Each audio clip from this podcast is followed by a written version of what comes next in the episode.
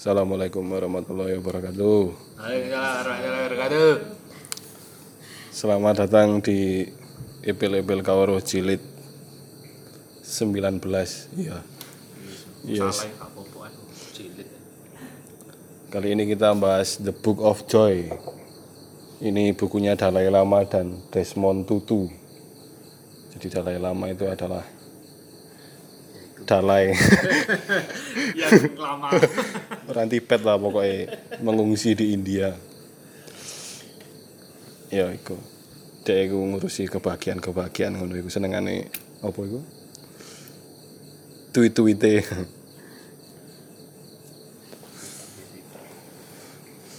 Ya sebelum kita mulai marilah kita berdoa agar ilmunya barokah agar juga Dalai Lama dan Desmond Tutu ini meridhoi apa yang kita bicarakan hari ini.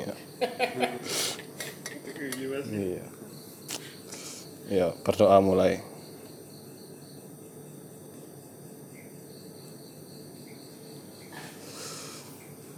Selesai.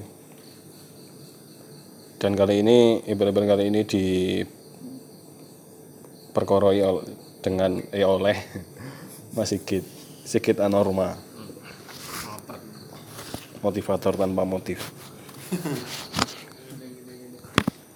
silahkan Mas Sigit. Ya assalamualaikum warahmatullahi wabarakatuh. Waalaikumsalam. Pada kesempatan malam ini eh, saya akan sedikit eh, me- me- memeras atau membahas buku yang judulnya The Book of Joy. Terjemahan bebas saya ya buku kebahagiaan lah buku tentang kebahagiaan. Jadi di dalam buku ini sebetulnya berisi an apa pedoman-pedoman yang yang sebetulnya eh, sangat bisa diaplikasikan eh, agar kita hidup ini eh, tidak terlalu lah bukan terbebas secara mutlak tapi tidak terlalu terpengaruhi oleh terpengaruhi oleh kesedihan stres dan penderitaan yang akhir-akhir ini sepertinya menjadi penting.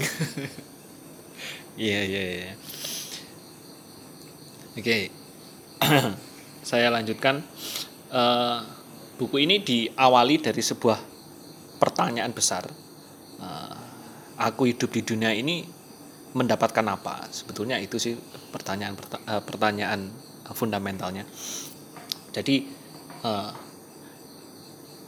dua orang yang eh, apa ya co-writing jadi yang menulis dalam buku ini Desmond Tutu itu eh, seorang uskup kalau tidak salah. Kalau salah ya silakan di silahkan salahkan sendiri dibenarkan sendiri dari Afrika Selatan yang sangat menentang apartheid. Dari sanalah eh, apa gambaran dua orang ini sebenarnya sudah menunjukkan kepada kita s- seperti apa sih karya mereka dalam buku ini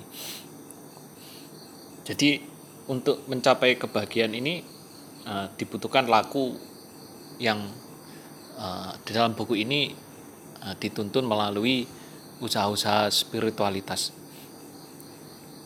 Ya, bisa kita bayangkan di dalam dunia modern yang kita jalani sekarang. Apalagi ditambah lagi dengan dunia modern tanda kutip sekarang itu eh, sangat mudah untuk menjadi stres, menjadi panik karena sepertinya seluruh seluruh sendi-sendi kehidupan kita seluruh bahkan selu- di seluruh dunia ini sepakat untuk menghantui kita dengan dengan apa ketakutan-ketakutan yang yang eh, bertubi-tubi lah dari dari segala penjuru lah. Ke mana pun kita menoleh pasti di situ sudah terhidang ketakutan-ketakutan maka eh, saya menganggap eh, praktek-praktek eh, spiritualitas itu tidak pernah sepenting apa masa sekarang. Hmm. Jadi buku ini sebetulnya memberikan eh, apa ya eh, perspektif baru sih. Jadi bagaimana kita tidak terlalu hanyut pada pada tekanan-tekanan psikologis, pada stres dan menjalani hidup yang lebih gembira, yang lebih berbahagia. Ya, maka menjadi penting sebetulnya uh, saya angkat pembahasan tentang buku ini dari dua tokoh yang menurut saya keren. Ya. Dua-duanya juga sudah pernah meraih Nobel. Kalau salah silahkan dibetulkan sendiri. Ya, uh, begitulah. Jadi karena ipil-ipil harus begitulah. Ya jadi ya begitulah. Mempelajari ajaran mereka ini sebetulnya bisa menjadi langkah awal sih Eh, bagaimana kita uh, apa ya berjalan dah di dalam di dalam uh, jalan welas asih atau jalan kasih sayang uh, menerima semua hal secara penuh yang mungkin juga sejalan dengan dengan bahasan saya kemarin tentang radikal acceptance dari Tara Brah. Eh iya. Ya, ya Tara Brah. Uh, uh, uh, bagaimana kita uh, menyikapi hidup dengan lebih uh, ikhlas lah. Mungkin uh, garis garis besarnya uh, bisa bisa sejalan baiklah. Jadi ada beberapa poin yang saya uh, yang saya rangkum sebetulnya. Poin pertama mengapa sih uh, penderitaan itu menjadi hal yang penting untuk kita apa ya, kita rasakan? Agar kita ini bisa hidup berbahagia. Itu uh, seperti halnya mungkin untuk untuk memahami sesuatu mungkin kita membutuhkan jarak. Jadi kalau terlalu dekat maka uh, kita tidak akan punya pandangan yang baik atau objektif terhadap satu hal. Maka untuk untuk berbahagia maka kita harus mau tidak mau uh, menghadapi penderitaan atau merasakan penderitaan.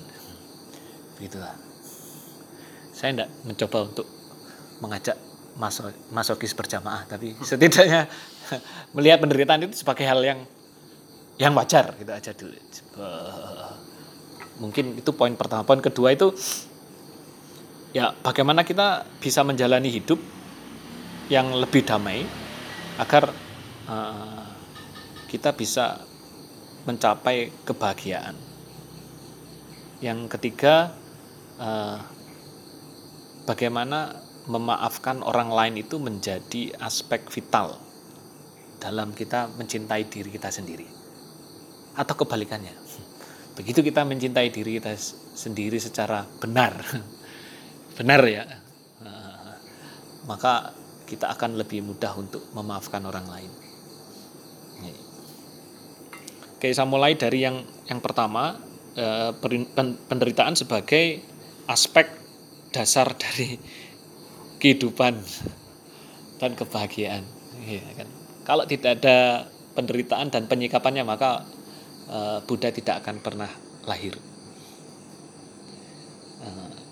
ya, ya kita bayangkan saja saya tidak mau memberikan contoh yang ngeri-ngeri karena sudah hidup kita sudah banyak kengerian-kengerian ya contoh yang normal-normal saja kita berangkat pagi bertemu dengan kemacetan di situ pun sudah sudah lahir penderitaan dalam dalam level atau skala tertentu ya. Dan itu sepertinya eh, hal-hal uh, yang wajar saja. Kita menyikapi hal-hal seperti itu kecil-kecil itu atau remeh seperti itu sebagai hal yang wajar. Kita mudah untuk melupakan. Tetapi sebetulnya dalam ilmu psikologis hal itu mengendap. Nah, kalau istilahnya Mas Aji bla bla bla saya lupa belakangnya pokoknya eh, yang sering nonton YouTube nah, Buh Aji Sopolah itu eh, kita ini secara tidak sadar Eh, menumbuhkan atau memberikan luka batin pada diri kita dan kita juga secara tidak sadar sering abai terhadap betapa pentingnya kita uh, apa menyikapi atau uh, menyembuhkan luka-luka batin kita.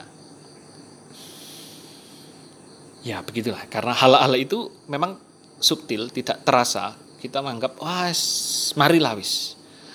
Selesai lah wis misutok wis. Sudah sudah. Habis itu kita sudah lupa bahwa uh, bahwa kita uh, dalam kurun waktu tertentu merasakan tekanan atau merasa, merasakan stres. Tapi itu sebetulnya mengendap. Kalau itu apalagi dila, uh, uh, dirasakan uh, apa ya dalam skala terus menerus. Terus yang kedua yang yang juga subtil uh, bagaimana uh, perlakuan kita atau penyikapan kita terhadap uh, media sosial. Bagaimana secara tidak sadar kita terus-menerus membandingkan hidup kita dengan orang lain. Mulai dari makanan, mulai dari ukuran pinggang. Kita uh, uh, uh, apa ya? Uh, secara konsisten membuat hidup kita bukan bukan membuat merasa bahwa hidup kita tidak pernah sempurna. Karena selalu ada tolok tolok tolok ukur di dalam media sosial. Itu yang membuat kita menjadi inferior. Dan itu juga sebetulnya menimbulkan luka batin jadi menurut uh, beberapa penelitian di buku ini disebutkan bahwa uh, tidak pernah dalam sejarah manusia uh, yang pernah mengalami tekanan psikologis sebesar manusia modern apalagi di masa sekarang. Balik terus saya ngeri ya. Aku kok saya, saya sudah berjanji untuk tidak memberikan banyak kengerian. Oke. Okay. uh, dari sisi itu ya kita bisa kita mungkin bisa memahami bahwa kita merasakan stres tapi dari sisi lain bahwa stres atau penderitaan itu sebetulnya merupakan momen-momen yang menguntungkan, momen-momen yang positif. Ya.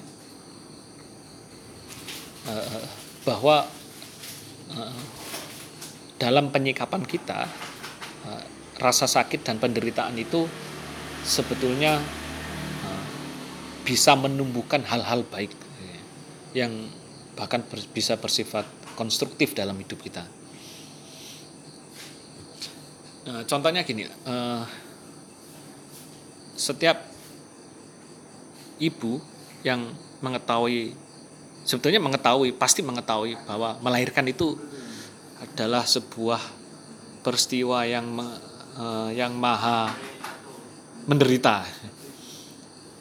Ya, gini, gini uh, maksud saya begini, mungkin untuk membandingkan saja ya, bahwa laki-laki normal laki-laki dewasa itu hanya mampu untuk menahan rasa sakit sebesar 40 45 dels kalau hitungan uh, hitungan apa penderitaan hitungan bagaimana manusia mampu menahan rasa sakit itu laki-laki dewasa itu 45 dels setelah itu dia akan pingsan atau mati uh, tapi dalam proses persalinan ya, maka seorang ibu itu mampu menahan rasa sakit sampai 57 dels. Dan ini menunjukkan betapa kekuatan emak-emak ini uh, uh, memang harus diakui. Yeah. Jadi uh, kalau ada seorang laki-laki yang mengumbar uh, statement bahwa bahwa dia adalah seorang yang perkasa maka harus direvisi statementnya. Dari sini secara secara hitung-hitungan apa ya mungkin saya tidak tahu ini medis paling ya bahwa uh, hal ini sudah menunjukkan bahwa uh, bahkan dari sisi menahan rasa sakit saja menahan penderitaan saja uh, seorang laki-laki itu tidak boleh sombong bila berhadapan dengan seorang wanita. Hmm, jadi ya mungkin itu sudah rahasia umum kalau emak-emak itu tidak ada lawannya ya. di muka bumi ini. Tidak tahu kalau di planet Namek. Ya. Jadi eh, kenapa ini bisa terjadi sih? Sebetulnya ada ada hal yang yang menjadi hal eh, eh, eh, eh apa eh, perhatian lah eh, dalam kita untuk menganalisa ini. Saya masih yakin bahwa manusia mempunyai kekuatan primitif yang dia lahir atau bahkan sebelum manusia itu lahir bahwa di dalam dunia kita di dalam semesta ini bekerja ada dua kekuatan uh, sumbu uh, uh, uh, primitif yaitu cinta dan takut maka uh, dari sinilah uh, uh, itu bekerja ya jadi tubuh kita ini sudah sebetulnya memahami rasa sakit itu sebagai sebuah ancaman. Jadi secara biologis kita akan men-shutdown tubuh kita menjadi menjadi pingsan agar apa kita bisa lebih survive. Tetapi kenapa emak-emak mampu menahan rasa sakit yang di luar batas kewajaran manusia. Karena ada cinta di dalamnya bagaimana uh, para emak itu uh, meyakini bahwa yang dilakukan itu adalah sebuah sebuah uh, kerja mulia melahirkan uh, apa makhluk baru. Itu adalah sebuah pekerjaan uh, yang dilandasi oleh kekuatan cinta yang begitu besarnya sehingga dia akan mampu untuk untuk uh, mengalahkan uh, apa namanya prosedural uh, biologis tentang manusia dan penderitaan. Ya, uh, ya lumrah kalau memang apa mekanisme mekanisme seperti itu tidak ada ya mungkin manusia sudah akan punah jauh jauh sebelum manusia modern lahir karena para emak akan menolak untuk melahirkan manusia baru. iya. Atau tidak ada kelahiran di manusia baru. Mungkin itu. Ya, contoh yang diberikan lagi di dalam buku ini tentang kasusnya uh, Nelson Nelson Mandela karena Desmond Tutu sangat mengidolakan Nelson Mandela. Bagaimana Nelson Mandela dipenjarakan selama 27 tahun. Dan sebetulnya ya tanpa ya tanpa alasan yang kuat iya memang alasannya hanya hanya tentang eh, politik apartheid bagaimana dia harus dipenjara tidur di lantai dan tiap hari itu harus eh, bekerja keras memecahkan batu tetapi kalau kita menganggap bahwa manusia ini tidak luar biasa bahwa manusia ini punya batasan-batasan biologis ataupun batasan-batasan misalnya psikologis maka ya pasti Nelson Mandela itu akan akan hancur lah ya. uh, penderitaannya itu penderitaan yang dialaminya pasti akan merusakkan dia uh, baik secara psikis ataupun secara psikologis tetapi apa yang terjadi sih sebetulnya begitu uh, Nelson Mandela keluar maka yang pertama kali dia dia lakukan adalah memberikan maaf pada musuh-musuh politisnya. Dan di sanalah uh, kekuatan kita bekerja. Ya, selamat malam Mbak Vira. UT-UT-nya ada.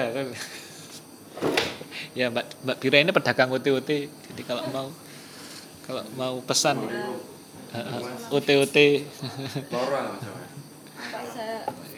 Kok halo? Pak, halo. Suara ya, Pak ya. Oh iya sama Mas Ivan pedagang apa anu? Anu kulit kulit. oh iya live terus. Ya. Jadi bagaimana sih kasih sayang, welas asih dan cinta itu mempunyai peran yang sangat besar untuk membuat manusia ini keluar dari bukan keluar sih ya melawan keterbatasan-keterbatasannya. Bahkan secara batasan biologisnya. Nah, dari sini uh, kita bisa menarik kesimpulan bahwa kita enak ngomongnya kayak penderitaan itu penting. Jadi ya penderitaan itu penting dari buku ini loh ya. Silakan nanti diyakini sendiri-sendiri.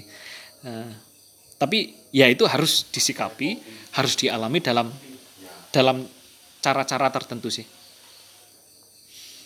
Bagaimana kita nanti harus menggeser perspektif kita sendiri uh, uh, pada orang lain juga.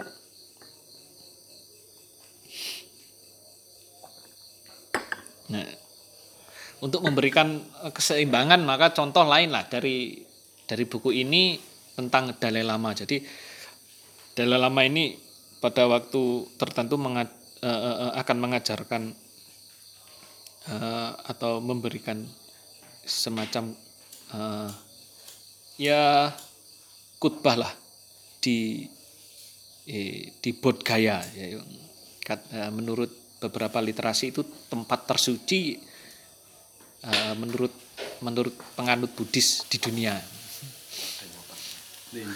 Ya, ya silahkan dicari sendiri lah. Masa pinter, pinter semua kan pendengar ipil-ipil ya silahkan dicari sendiri lah. Hmm. Iki sing anu males sih. Narasumber males golek no secara penuh. Ya maafkanlah karena kita memang tidak niat.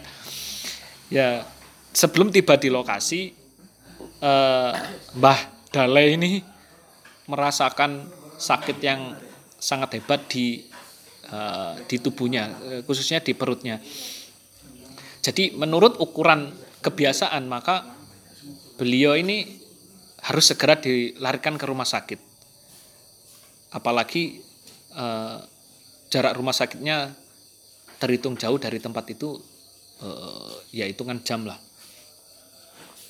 Nah pada waktu tertentu eh, Mbah Dale ini melihat eh, pengemis di pinggir jalan dengan eh, apa ya dengan uh, menurut dia dengan penderitaan yang jauh lebih hebat bahkan terlihat seperti mau meninggal. Nah, uh, momen di mana kita melihat penderitaan orang lain yang lebih hebat, maka uh, kita bisa belajar pada bagaimana kita melihat penderitaan kita sendiri. Maka pada saat itu uh, Mbah Dalai ini mampu untuk berdamai bahkan uh, dia uh, mampu untuk uh, keluar dari rasa sakit secara uh, fisiknya. Ya, dan dia terus terus meng, uh, mampu untuk memberikan khutbah di tempat itu. Hmm, begitulah. Ngeri ya? Ya wis gitulah wis. Kok dari tadi saya mau buku tentang bagian tapi dari awal kok penderitaan. Ya enggak, memang seperti itulah berangkatnya dari penderitaan mungkin ya. Jadi tidak pernah sebetulnya uh, uh, kita uh, uh, merasakan bahwa suatu penderitaan itu di luar kontrol kita. Itu sebenarnya tidak pernah. Itu adalah tentang bagaimana kita menyikapi atau merespon penderitaan itu saja. Jadi hmm, ya saya masih me, secara pribadi masih menganggap bahwa manusia itu uh, tidak terbatas. Yang membatasi adalah ya manusia sendiri. Ya gitulah oke ada hal yang dipaparkan di sini misalnya tentang ketubuhan ya tentang tubuh kita. Uh, jika uh, kita sehat, terus ada perubahan cuaca, ada perubahan uh, musim misalnya gitu ya. Terus tiba-tiba flu menyerang. Flu loh ya, bukan yang lain loh ini, flu. Nah, jika kesehatan kita buruk maka uh, kita terpapar dalam skala rendah terhadap flu itu pun kita akan kita akan mengalami uh, memburuknya kesehatan juga bahkan bisa parah gitu ya. maka imun tubuh menjadi uh, perhatian yang lebih penting daripada kenapa virus itu ada atau tidak. Saya juga tidak mau menggiring opini loh ya ini. Ya memang imun loh ini ceritanya di buku ini benar-benar imun tubuh itu penting atau krusial dalam kesehatan fisik kita. Tapi uh, ada yang jauh lebih penting dalam buku yang dipaparkan buku ini. Imun kita ter ter imun apa ya? Imun batin. Bagaimana batin kita ini bisa bisa uh, uh, uh, uh, tidak begitu terpengaruh ataupun tidak begitu terlukai oleh uh, prinsip-prinsip yang yang banyak dipengaruhi oleh pikiran-pikiran kita.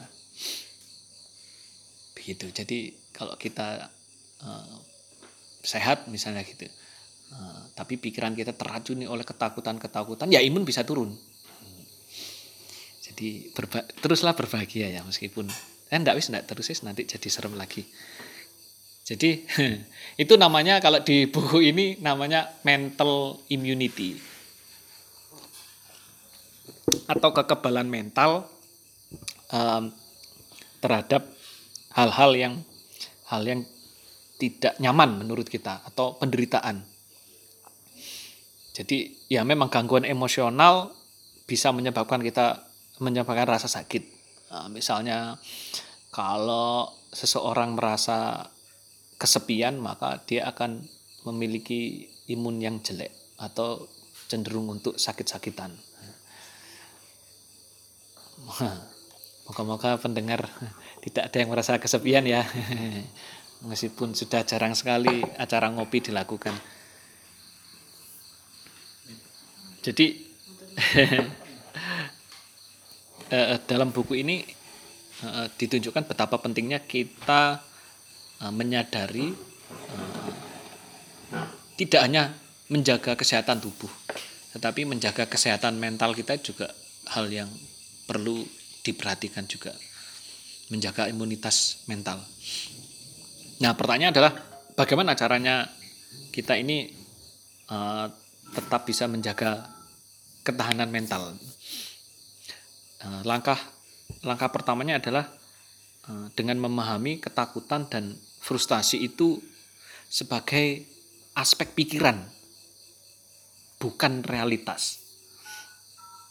Jadi kita tidak ter apa ya uh, terjerembab ya terkungkung oleh oleh pikiran. Ya, sehingga dari pikiran itu kita kita uh, uh, hidup kita terkontrol. Jadi penderitaan memang tidak bisa dihindari tetapi uh, kita bisa memilih untuk merasa menderita atau tidak. Ketakutan atau berita yang menyeramkan kalau sudah kita membaca maka itu tidak bisa dihindari. Tetapi untuk merasa takut untuk merasa terbebani maka itu adalah pilihan yang ada pada diri kita. Jadi kebahagiaan bisa ditumbuhkan dalam situasi apa pun sebetulnya. Ya begitulah ya. Eh Jadi uh, sering kali kita merasakan bertahun-tahun kita berada dalam kemarahan, uh, dalam apa ya uh, situasi yang atau perasaan ya kondisi emosional yang tidak stabil tanpa kita pernah tahu kenapa kita melakukan uh, kenapa kita merasakan itu. Maka ya, jawabannya ada pada ya ya kita tidak begitu mengenali diri kita sendiri sebetulnya. Kita tidak tidak pernah memberikan perhatian khusus atau kisi-kisi khusus pada kondisi mental kita. Jadi eh, sebetulnya seperti halnya yang tadi eh, kita akan sering kali kita akan kesulitan untuk memetakan kenapa kita bisa memendam kemarahan selama bertahun-tahun Karena mungkin eh, luka-luka batin atau luka-luka psikologis itu subtil atau bahkan terekam pada waktu kita kecil. Sehingga eh, dia akan menumpuk mengendap di alam bawah sadar atau subconscious. Dan malangnya menurut ilmu psikologis maka sebetulnya alam-alam bawah sadar ini yang yang menggerakkan manusia uh, mampu menggerakkan uh, manusia dan menjadi alasan manusia untuk untuk menyikapi banyak hal. Nah kan repot kita tidak tahu uh, dorongannya apa, tapi tahu-tahu cuman ada aksi atau reaksi terhadap sesuatu yang kita sendiri tidak suka sebetulnya. Kenapa sih aku kok moro-moro kepingin ngantemi Bayu? apa? Kenapa? Iya. Eh, Ayo Kan coba. bayune. Oh itu karena bayunya, Ah, bukan bukan karena kemarahan yang ada diri saya. Oh, ya mungkin karena siap-siap. bengi bengi kalau bayu ini Ivan. ya seperti itulah. Tak anu jaluk titik. Ikat di rembong. Se- Wis aku jaga. Ikat mari. Jadi kita ini sebetulnya bisa melakukan hal sama sih. Sewaktu kita eh, apa mendapati diri kita ini pada situasi yang tidak bisa kita rubah. Hal sama ini ya hanyalah pada penyikapan kita mau bereaksi atau tidak. Sebetulnya hanya itu saja sebetulnya. Tapi permasalahan adalah bagaimana sih melatih kita untuk tidak terlalu apa memberikan uh, uh, reaksi seketika pada hal-hal yang tidak mengenakan. Ya. Ya mudah sih en- enak diomong aja nih. Ya isi resit dendan cari ini buku ini. Karena kalau sudah stres maka stres itu mampu untuk apa ya mengkudeta pikiran kita. Sehingga kita tidak berkuasa untuk me- eh, eh, eh, mengontrol lah tingkah laku kita. Tahu-tahu kita menyesal saja di belakang. Duh, lapo aku mau ngaplok bayu ya. Masa ngupload bayu menyesal. Kenapa kok tidak menendangnya? Kenapa kok ngopo bayu pisan tok? Kok gak bertubi-tubi? Iya, iya. Jadi jadi konsepnya adalah kemarahan itu bisa tumbuh dari ekspektasi kita yang yang tidak bisa kita wujudkan. Tapi di sini ada welas asih atau cinta kasih yang bisa membantu sebetulnya. Eh, di masyarakat barat ini eh, tekanan kehidupan modern ini bisa bisa menumbuh suburkan ekspektasi-ekspektasi dan keinginan yang tidak rea- tidak realistis. Yang jelasnya akan memicu apa tekanan psikologis. Ya bagaimana tidak kalau semua orang pingin kaya, semua orang pingin enak, semua orang pingin seperti Bayu gitu kan. Seperti Itu ya mustahil lah, mustahil. ya apa sih? Ya, ya selalu selalu ada level-level ya, ada ya itu sudah normalnya begitulah. Ya sudahlah biarkan Bayu saja yang seperti Bayu.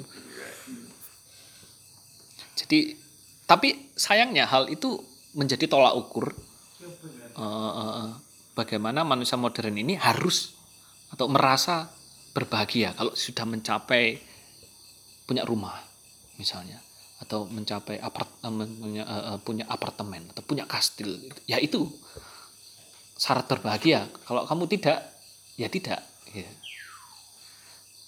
maka itu memberikan tekanan-tekanan psikologis yang besar sebetulnya. Meskipun tidak kelihatan saya tidak mau membahas tentang teori konspirasi lain-lain ya ini. Iya is- biar biar yang lain-lain lah. Biar pencuci sepatu yang semiran itu saja yang membahas tentang teori konspirasi dan anak pang yang banyak tatuannya itu aja lah. Saya di sini tidak lah. Jadi intinya bukan eh, bukan pada menghindari penderitaan. Karena itu memang tidak terhindarkan. Kita bertemu penderitaan begitu bertemu dengan ketidaknyamanan itu adalah hal yang realistis. Tidak realistis kalau kita mengharapkan tidak kita tidak pernah menderita itu tidak pernah bertemu dengan menderita. Penderitaan itu tidak realistis jadi mau tidak mau eh, eh, kita akan bertemu. Kalau kita tidak mengembangkan sebuah metode untuk menyikapi sebuah penderitaan maka penderitaan ini akan dengan sangat mudahnya bertransformasi menjadi kemarahan eh, menjadi apa ya eh, eh, materi-materi untuk meras untuk untuk hidup merasa depresif mungkin. Contohlah itu mudah itu. Kalau dalam oh, saya tidak mau bahas konspir- kons- konspirasi ah Ya. Sing hidup anak. iya Aan ini konspirasi. saya cerita pada Aan ternyata ditinggal pergi. Iya sih. Ya. Hmm. Iya.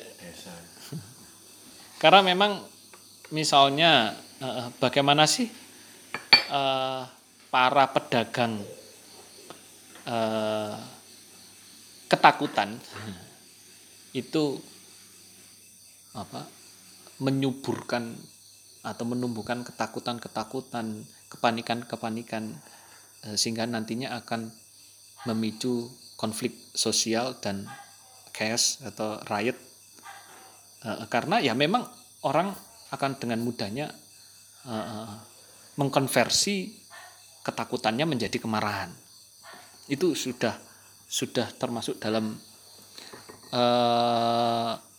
apa ya eh, eh, butir-butir survival ya, item-item survival. Nah permasalahannya bagaimana kita eh, eh, eh, apa ya, memanage ya eh, ketakutan-ketakutan yang kita hadapi dalam dalam hidup sehari-hari.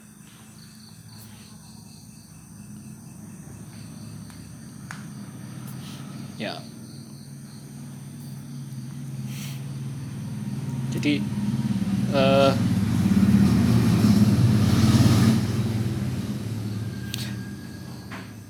banyak sumber banyak sumber eh, ketakutan ini sebetulnya eh, bisa kita hadapi begitu kita berani sebetulnya. Berani untuk uh, berbelas kasih dan mencintai orang lain. Sebetulnya dari dua uh, dua hal itu sebetulnya Di sini juga diberikan contoh lagi uh, ada ilmuwan bernama Paul Ekman itu yang mengidap kecanduan amarah kalau dulu ada film siapa ya? Adam Sandler ya yang yang apa ang- ang- anger management ya, ya seperti itulah jadi situasi eh, kebiasaan dia bersikap agresif itu sebetulnya ditanamkan sewaktu dia masih kecil eh, karena dia melihat ayahnya yang juga eh, eh, eh, memiliki agresi sikap agresif tinggi dan dan kasus bunuh diri ibunya sehingga eh, dia memiliki eh, apa, eh, memendam bom-bom waktu kemarahan yang setiap saat bisa meledak eh, bahkan eh, tanpa alasan yang dia pun sadari. Nah, eh, ada di sini di, diberikan contoh kalau kita tidak mampu menumbuhkan sendiri maka kita bisa meminta bantuan orang lain. Nah, dalam kasus ini Dalai Lama yang yang secara figur sudah eh, mempunyai level memberikan cinta kasih yang sedemikian hebatnya begitu dia eh, menyapa dan menyalami si Paul Ekman ini maka eh, pada momen itulah seluruh eh, kemarahannya runtuh. Pada momen itulah dia eh, mampu untuk membuka dirinya memberanikan dirinya untuk eh, membuka banyak sekali ketakutan-ketakutan banyak sekali luka-luka batinnya gitu. Jadi eh, berteman dengan orang-orang yang atau lingkaran-lingkaran yang memberikan cinta tulus itu juga mungkin perlu diperhatikan apalagi pada situasi seperti ini. Balik menengok ini.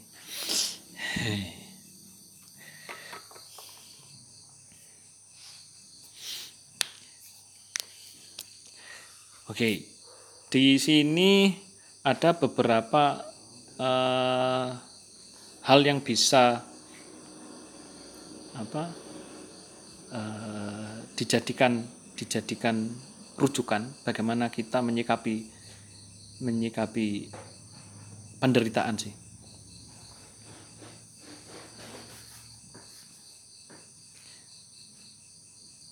Sebentar, karena saya malas untuk men- menata catatan saya, maka ya inilah.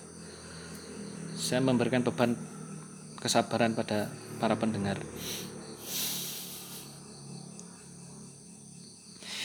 Ya. Hmm. Yang pertama adalah kita secara sadar uh, dalam keseharian kita mengganti uh, penyebutan aku dan milikku sudah mulai dire- direduksi. Jadi uh, kita sudah uh, istilahnya diet untuk kata-kata aku dan milikku. Tuh, iku Bayu itu aku. Ya sudah ketahuan kan bagaimana. Kalau mengundang pukulan memang memang seperti itu. Dia yang meminta ini. Iya. Ya. Karena apa? Karena s- jalan untuk bisa mudah terbebaskan dari penderitaan, yaitu tadi tidak terlalu fokus pada diri kita. Oleh karena itu, kita akan lebih mudah untuk mempercayai orang lain. Dan lebih mudah untuk apa membuka diri kita dan lebih mudah untuk berbagi. Ya. Ya sangat sangat anu sih sebetulnya apa eh, sangat mudah kalau untuk oh ya ngono tok ya seru ket biyen. Cuman pernah ndak pada suatu masa eh, saat eh, kita benar-benar secara apa ya, sadar dan secara eh, niat Lillahi ta'ala waduh. Saya akan berusaha mengurangi eh, apa asu ya, asupan untuk melihat diri saya sendiri. Saya akan mencoba untuk eh, memperbanyak eh, atau membuka diri saya pada orang lain atau berbagi pada orang lain. Kenapa? Karena eh,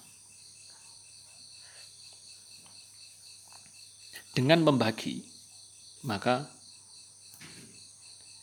secara secara teori evolusi kita akan membangkitkan hal-hal yang besar dalam eh, diri kita. Jadi sebetulnya kita ini eh, sudah dilengkapi dengan banyak sekali alat-alat canggih. Jadi eh, kita akan merubah aplikasi cara aplikasi kita berjalan. Begitu kita tidak terlalu banyak memikirkan tentang saya, tetapi eh, mulai memperbanyak memikirkan tentang mereka atau kamu. Iya kamu. ya yang itu, yang dengerin.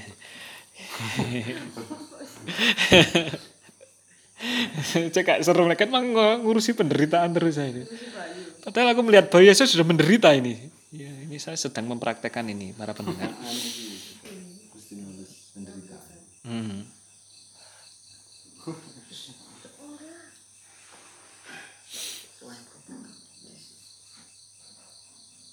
Ya, sebenarnya begitu sih. Eh, eh, dengan dengan berjarak, maka kita akan bisa melihat sesuatu dengan lebih bagus. Kalau menurut eh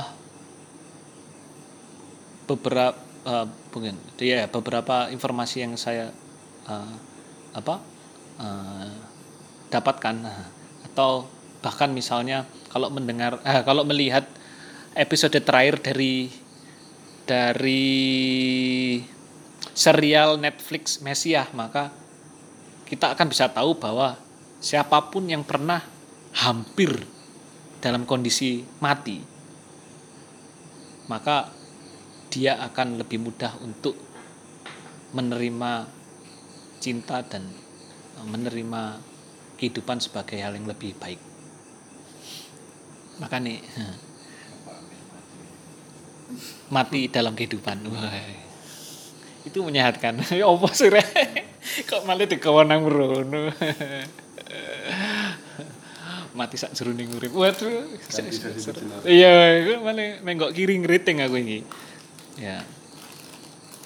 Ini memang di sana di mana seorang seorang eh, eh, eh, pendosa misalnya gitu. Begitu dia taman pada kematian maka mungkin yang eh, sebagian besar em, yang dibayangkan adalah apa kehidupan itu indah sebetulnya. Maka dia akan lebih lebih mudah untuk menghargai kehidupan. Nah penting kan penderitaan itu kan. Kematian juga penting sebetulnya. Karena itu adalah pelajaran yang paling berharga sewaktu kita hidup adalah dengan mempelajari kematian. Serem-serem aku mang buku ini tentang Book of Joy tapi dari mang dari tadi kok serem-serem tok. Yeah. Di sini dicontohkan ya kalau misalnya eh, 40% pemilih eh, Amerika itu nggak ngurus ya, tentang hasil pilihannya bah presiden ini elek bah wakili elek bah bah tetapi berbeda dengan dengan apa eh, eh, eh, para pemilih Afrika Selatan yang untuk mendapatkan hak pilihnya mereka harus berani bahkan mengorbankan nyawanya Nah itu akan berbeda. Eh, eh, eh, mereka menghargai misalnya orang-orang yang dipilihnya. Jadi eh, kita memilih kemarin bagaimana ya terserah lah. Maksudnya ya ngono lah, ngono loh. Jenengan itu ngono lah. Hmm. Di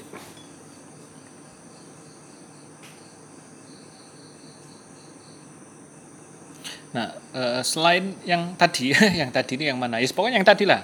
Eh, hal lain yang perlu diperhatikan juga adalah menumbuhkan eh, kerendahan hati, bukan kerendahan diri ya. Karena Ayub pun sudah rendah, jadi ya, secara tubuh sudah rendah, tapi bukan berarti dia bisa juga orang rendah bisa tinggi hati, ya kan gitu ya. Jadi menumbuhkan kerendahan diri. Itu eh, eh, eh, kerendahan hati ya sih. Salah kerendahan diri ya gak iso ditumbuhkan ya. Wong tambah rendek ya, terima kasih atas koreksinya. Iya. Itu membuatmu eh, lebih mudah berbahagia Ya. begitulah jadi bagaimana kita mengatur mentalitas kita untuk apa ya menghindari kematian meng- mengikis kemarahan itu eh, melihat sisi-sisi positif eh, eh, dari apa ya dari situasi yang terjadi lah lah. kalau dalam buku ini ada eh, ada apa ya uraian tentang delapan pilar menuju kebahagiaan. Waktu oh no ya yes, ngono lah. Sakarepe sing nulis buku lah. Pokoknya jenenge pilar apa pilar pertama itu perspektif katanya buku ini. Jadi bagaimana cara kita memandang itu dulu? Kesadaran bagaimana kita mengasah kesadaran kita eh, tentang apa ya kejadian atau tentang situasi yang kita hadapi. Ya karena eh, eh, eh, perspektif inilah yang akan menentukan kita menyikapi dengan apa eh, eh, eh, sehat atau tidak sehat. Intinya gitu sih. Pilar yang kedua kerendahan hati yang tadi. Bolak balik jelas ini. Ti- manaj- manajemen pencatatannya tidak jelas. Tidak apa-apa lah. Oleh titik ya oleh gak oleh babah gitu lah. Jadi eh, dengan kerendahan hati ini eh, kita akan lebih mudah apa menemukan kebahagiaan. Lorong pun Hmm. ya. Omongan ada yo kerendahan hatimu lek. Asbak eh. Misalnya gini eh, Dalai Lama ini eh, merasa pada masa mudanya ini dilanda penyakit apa ya eh stage fright apa ya stage fright? Demam panggung ya kayak gitu stage fright. Sorry sorry sorry aku ceket nang Indonesia iki sorry. Jadi rada anu, ya apalagi ya suwe aku kerja di kelandungan. Ke ke lockdown di kelandungan jadi dia selalu merasa gugup ber- berhadapan dengan orang lain. Kenapa? Ya, karena dia memaksa dirinya untuk terlihat lebih bagus di hadapan para senior-seniornya.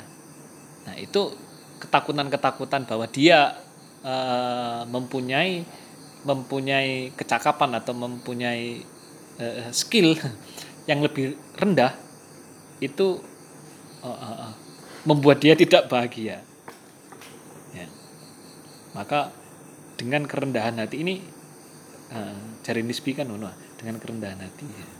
maka eh, apa eh, otomatis kita akan memfilter ketakutan-ketakutan yang yang sebetulnya kita tidak perlu tidak perlu hadapi sebetulnya dan eh, dengan menyadari bahwa dia tidak perlu untuk lebih bagus dari orang lain meskipun dia dalai lama maka itu membebaskan dia lebih eh, dari ketakutan itu dari kegelisahannya. Yang ketiga adalah humor.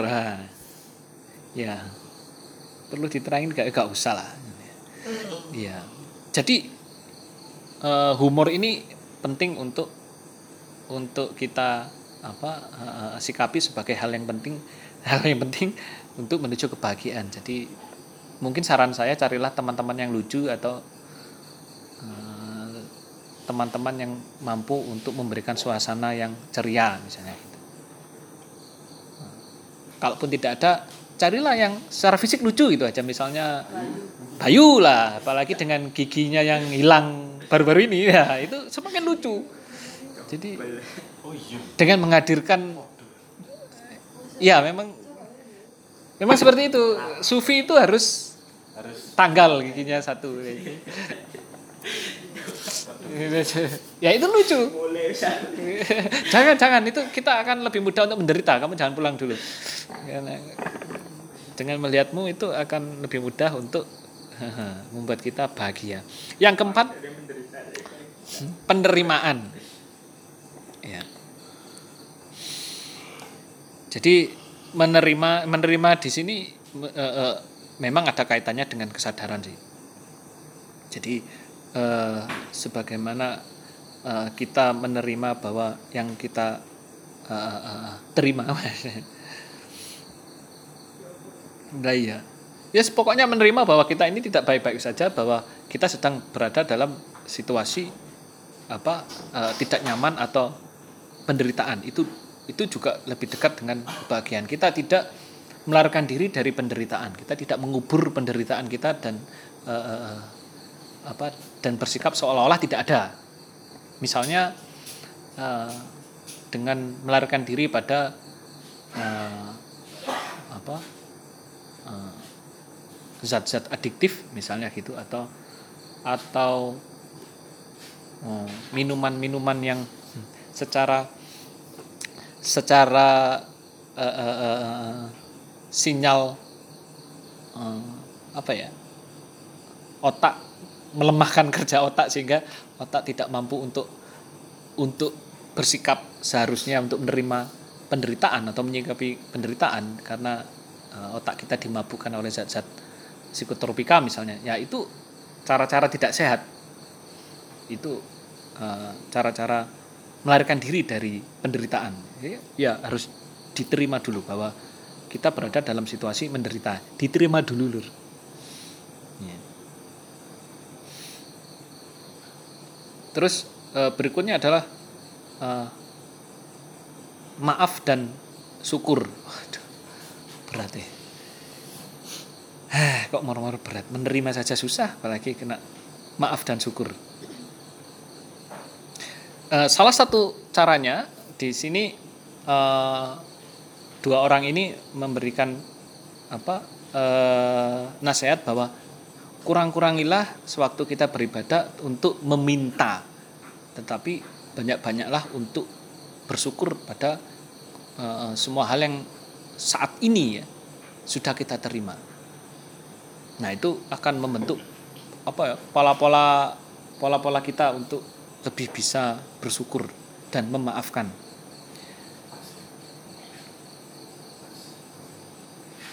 Nah, ada contoh di buku ini itu eh, seorang narapidana eh, dari kulit berwarna namanya Anthony Ray Hilton yang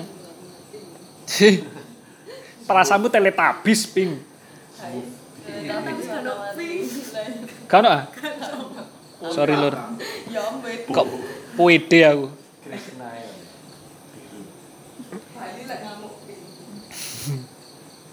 Ungu.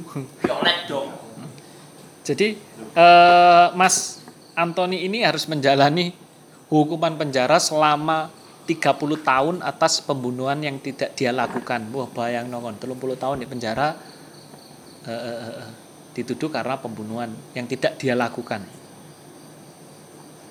Nah, eh, di dalam penjara dia harus masuk dalam sel khusus yang jelas lebih tidak nyaman dari sel umum karena kulitnya berwarna. Jadi eh, eh, eh, sampai 30 tahun kemudian eh, eh, eh, menurut Mahkamah Agung keputusan Mahkamah Agung membebaskan Mas Antoni ini. Eh, harusnya dalam standarisasi manusia normal maka eh, dia akan dipenuhi oleh kemarahan sebetulnya. Dan jelas kemungkinan besar jelas kemungkinan kemungkinan besar menjadi orang yang sangat tidak berbahagia. Tetapi hal yang terjadi sebaliknya bahwa Mas Antoni ini eh, tidak pernah apa ya menuntut atau tidak pernah marah kepada bahkan negara yang memenjarakan bahkan kepada eh, polisi dan sipir yang memukulinya karena alasan kulitnya saja. Ya, dia keluar dari penjara eh, mampu untuk me- ya, me- memahami kebahagiaan atau menerima kebahagiaan dari hal-hal yang sangat sederhana, misalnya hujan saja. Bagaimana dia bisa berjam-jam eh, menangis terharu eh, karena merasakan eh, apa segarnya air hujan, mewahnya air hujan. Nah, eh, ada kalau ekstrimnya untuk untuk melatih hal seperti ini ya kita menghadirkan penderitaan, kita menghadirkan situasi-situasi di mana kita berjarak dari kenyamanan-kenyamanan keseharian. Em, kalau dari apa eh, laku-laku spiritual ya memang ya kita uzlah atau misalnya kita semedi atau misalnya eh, kita melakukan perjalanan panjang yang berat atau naik gunung. Nah, tapi jangan naik gunung yang enak loh nggak portir ya tetap nyaman. Apa gunung cari intan tuku TV lah. Maka hal itu untuk eh, bisa untuk meletakkan diri kita pada eh, situasi yang berjarak pada kenyamanan. Ya, jadi eh, kalau ada yang berminat untuk eh, ikut acara Sangha Komunitas Pelaur ini yang pelaur ya memang salah satunya mungkin dari situ misalnya. Ya ke pelaur full lah. Berjalan jauh malam-malam tanpa ada penerangan dan tanpa ada alas kaki eh, eh, eh, tanpa berbicara misalnya nah sebetulnya hal itu adalah eh, laku-laku untuk mempermudah kita berbahagia sebetulnya. Ngono lah promo nang nang golongan itu babah sapa sing katen ke pelaur melok sepisan gak gelem melok babah. Nah yang terakhir menurut yang terakhir is boy hitungan hitungan dewe ra ya yang terakhir adalah eh iya jadi eh, posisi posisi welas asih atau sikap sikap eh, mengasihi kepada orang lain itu sangat mudah untuk membuat kita berbahagia.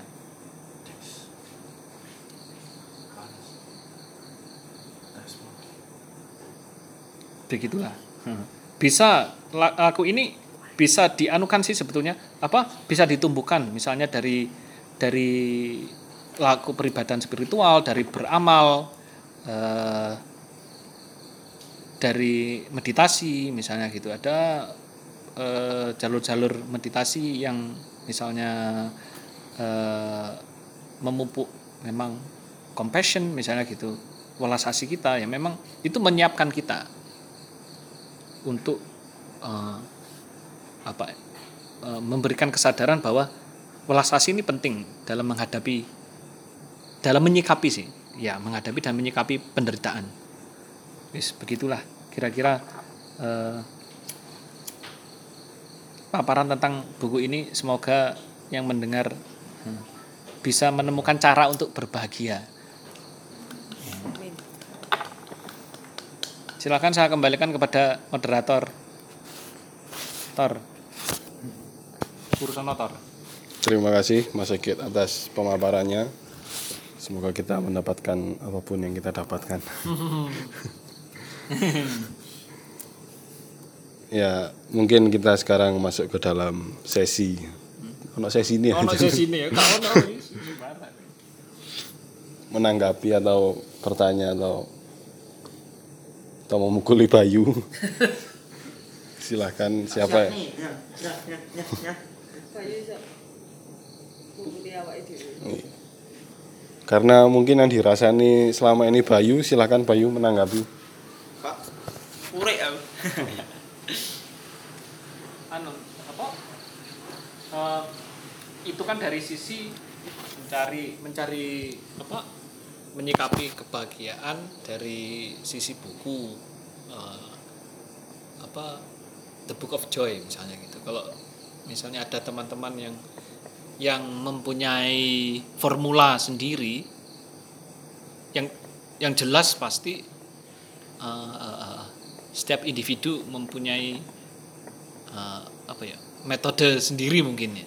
Mungkin eh, juga penting untuk di dipaparkan bagaimana eh, misalnya salah eh, dari teman-teman ini eh, mampu berbahagia eh, sewaktu menyikapi penderitaannya ngono lah wis bebas wae oh sing gurung tahu tak kok gurung tahu ngomong kono ae Iku ojo Sokrates sih kari-kari kan. Sokrates Ngedok itu kari kan Sokrates. ngono ya.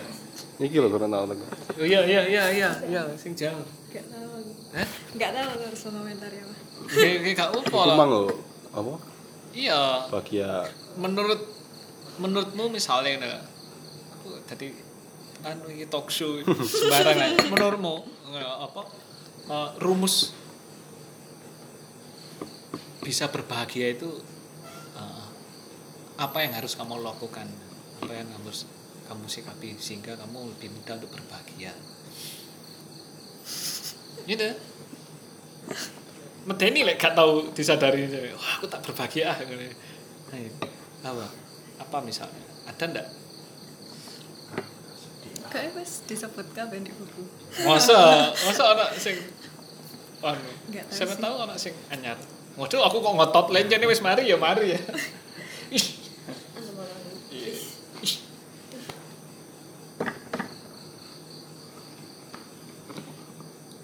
Iya, wis aku sepakat ambek buku ini pokoknya. oh wis sepakat wis jangan iya aja Mas Ivan mau Begal. oh iya. iya Dari orang. Di sih emang Kan iki sing rekam lur. Sing dilur. Itu sing ada. Wah, pancing umum. biasanya arek iki iya makanya aku Berarti iki iku arek kok tes tes. Saya Ivan Begal.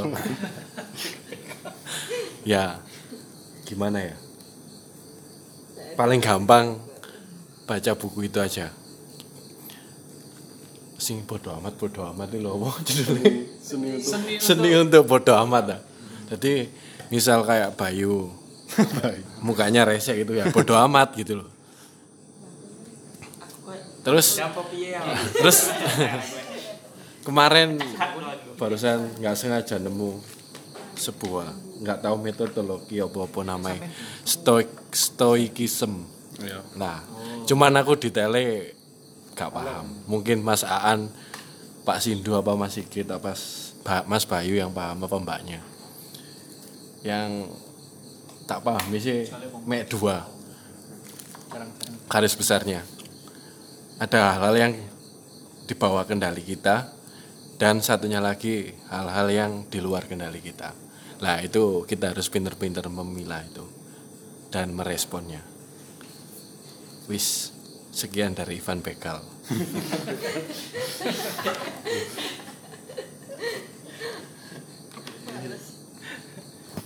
Eh, silakan.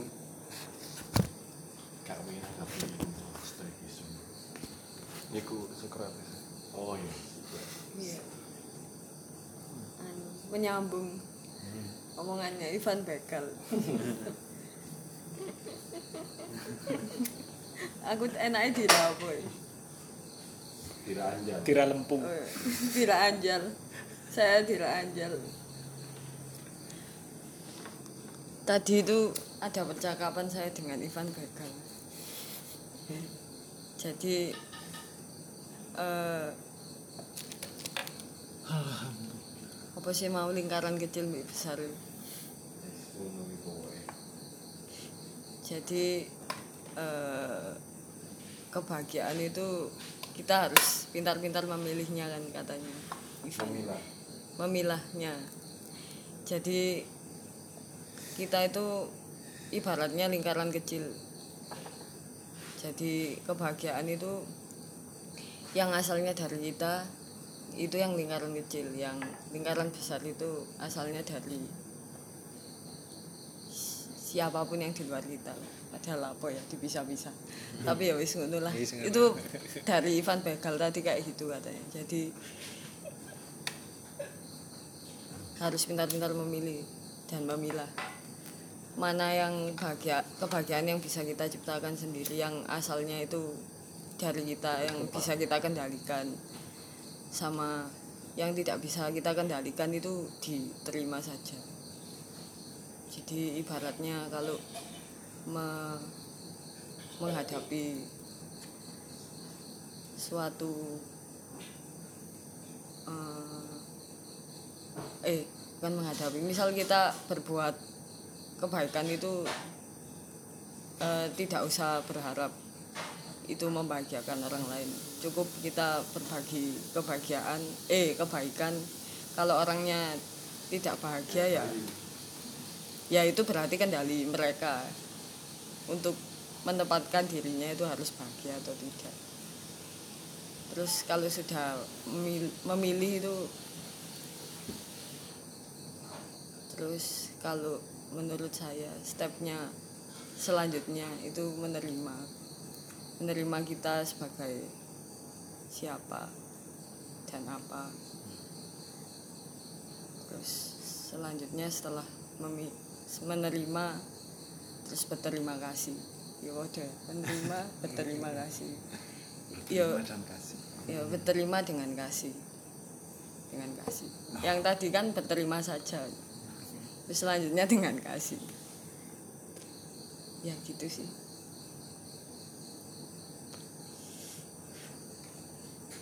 sekian dari saya Dira Anjal Dira Togel Dira Togel.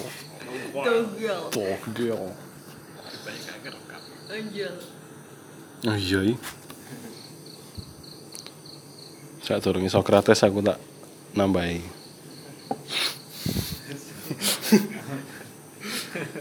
Gak nambahi sih, kayak kurang aja aku mang tak tambahi. Kalau saya melihat pemaparannya Mas Sigit, eh mendengar ya. Iku kayak selama ini mungkin dalam dogma apa narasi sosial nih, bahwa penderitaan itu adalah cobaan. kan. Tapi kalau mendengar pemaparannya Mas Sigit itu sepertinya penderitaan itu bukan cobaan tapi kesempatan. Kesempatan agar kita bisa merasakan kebahagiaan. Kalau kita cobaan kan kayak wah iki diuji gitu no kayak kita harus apa ya iya kayak salah apa kayak kemerungsung no malian melihat penderitaan no. tapi kalau mungkin kalau menganggapnya sebagai kesempatan kita akan menerimanya dengan baik no. kayak apa ya yang ketika kita mendapatkan penderitaan itu kayak sisi mana yang kita harus tumbuhkan dari diri kita sendiri ngono. Agar kita tidak melihatnya sebagai penderitaan lagi.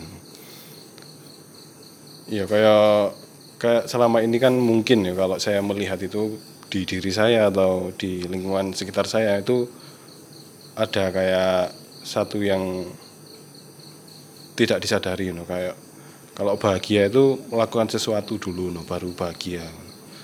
Padahal kalau menurut saya mungkin kita bahagia itu bukan di kalau menurut saya itu bahagia bukan ketika kita kayak anugerah setelah se- sebuah gift setelah kita melakukan sesuatu. Tapi ya karena kita memutuskan untuk diri kita bahagia. Kayak misalnya ada perbedaan dari being dan doing gitu lah apa kita mau being happy and doing something apa ya ngono lah harusnya rumusnya seperti itu kayak ya kudu doing something to be happy tapi being happy to do something ngono. jadi apa pun yang kita lakukan ketika kita sudah being happy with ourselves itu kita doing everything is going to be happy mana Inggris Inggris sih barang Iya, ketularan aku. iya. Iya ya kayak eh, ngono sih kayak kalau pemaparan dari situ jadi mungkin kita harus iku apa pintar-pintar untuk being ya sehingga apa ketika sesuatu tidak sesuai ekspektasi kita kita bisa menerimanya dengan bahagia anu. karena karena kalau kita mungkin kalau doing something to be happy you know, kalau kayak gitu mungkin kita akan terjerumus dalam jurang ekspektasi you know. padahal kan kenyataan ya kayak tadi itu tidak bisa kita atur akan memberikan kita apa. Kayak misalnya harapan kita tidak cocok dengan kenyataan terus kita siapa? Kalau kok mau merasa tidak bahagia? Padahal kenyataan itu tidak memilih siapa pun akan membahagiakan siapa itu tidak memilih dia kenyataan ya berjalan sebagaimana mestinya yang tidak bisa kita atur terus kita kan selama ini kayak kok pengen ngatur sembarang kali sesuatu yang di luar kendali kita. Kalau kita mungkin mengatur sesuatu yang di luar kendali kita itu tadi kita terjun dalam jurang ekspektasi yang kita tidak bisa mendapatkan apa yang kita inginkan selama sangat lama terus pada saat itu mungkin kita kalau sudah ingin tabrakannya yang kayak apa dekat dengan kematian kayak ngono mungkin kita bisa melihat sesuatu dengan berbeda kayak misalnya kayak eh, aku butuh being butuh doing mana. Ya mungkin saya kayak gitulah tanggapan saya terhadap pemaparannya Mas Ikit ya sekarang kita dengarkan doknya Socrates. Oh iya kan orang gelem emang. Oh, gak Masih kurik kok ini. Dek wis being tok iku wis membuat temannya happy. Aku gak usah ngomong sih. Pandai berwacana gini. Bayu iki kehadirannya saja. ini?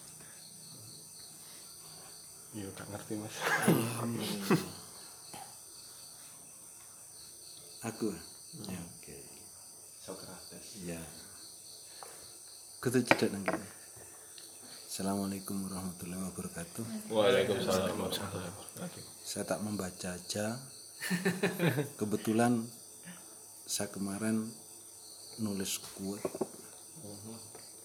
Kok, kok kayaknya Sabtu kok kayaknya eh, apa Relate. yang satu itu yang kemarin saya tulis yang satunya tadi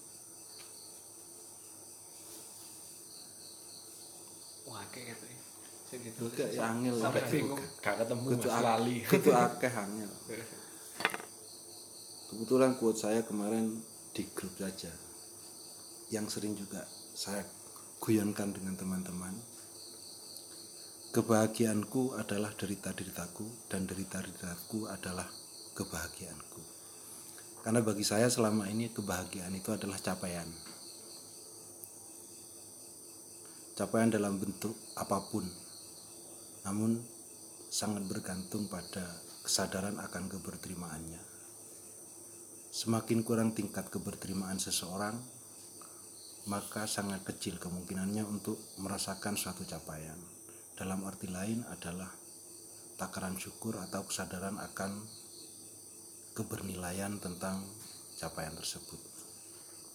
Nah, yang terkait dengan humor tadi,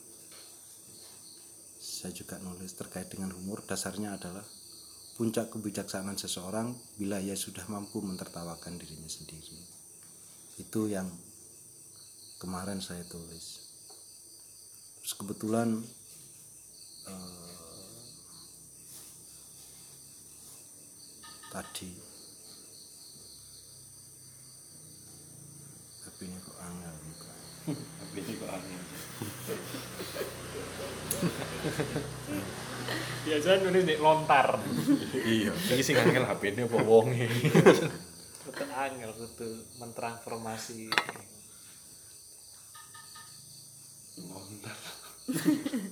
Oke. ya apa jadi nemen nih kebetulan tadi eh, apa ini saya dapat share dari teman. Hasan namanya. Sudah lama tidak bertemu tapi dia di, dia tiba-tiba lapo kok ya tiba-tiba lapor gini asal tiba-tiba. Dia tiba-tiba share dalam sebuah catatan. Dia bilang ini dalam dalam share-nya.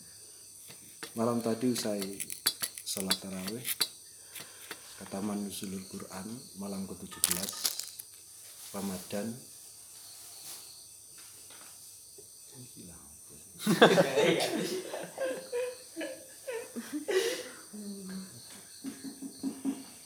malam 17 Ramadan dibuka oleh Kiai Ngabai Haji Agus Sunyoto. Beliau menyampaikan rasionalisasi tradisi warisan Wali Songo seperti pujian. Hah.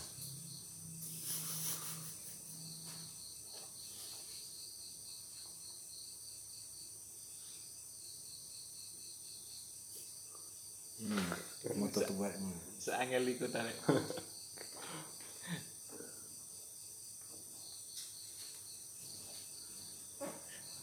Sabar seperti pujian, syair, tembang, selawat, zikir, tadarus dan doa sebagai metode spiritual.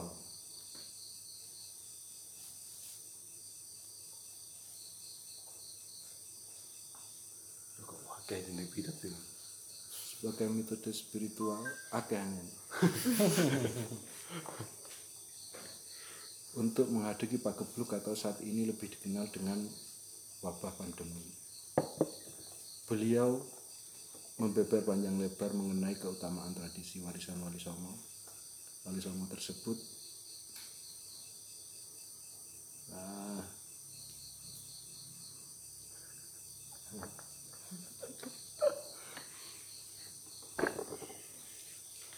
dengan kacamata fisika kuantum bahwa gelembung frekuensi gelombang frekuensi suara lantunan-lantunan pujian efektif untuk mengembalikan dan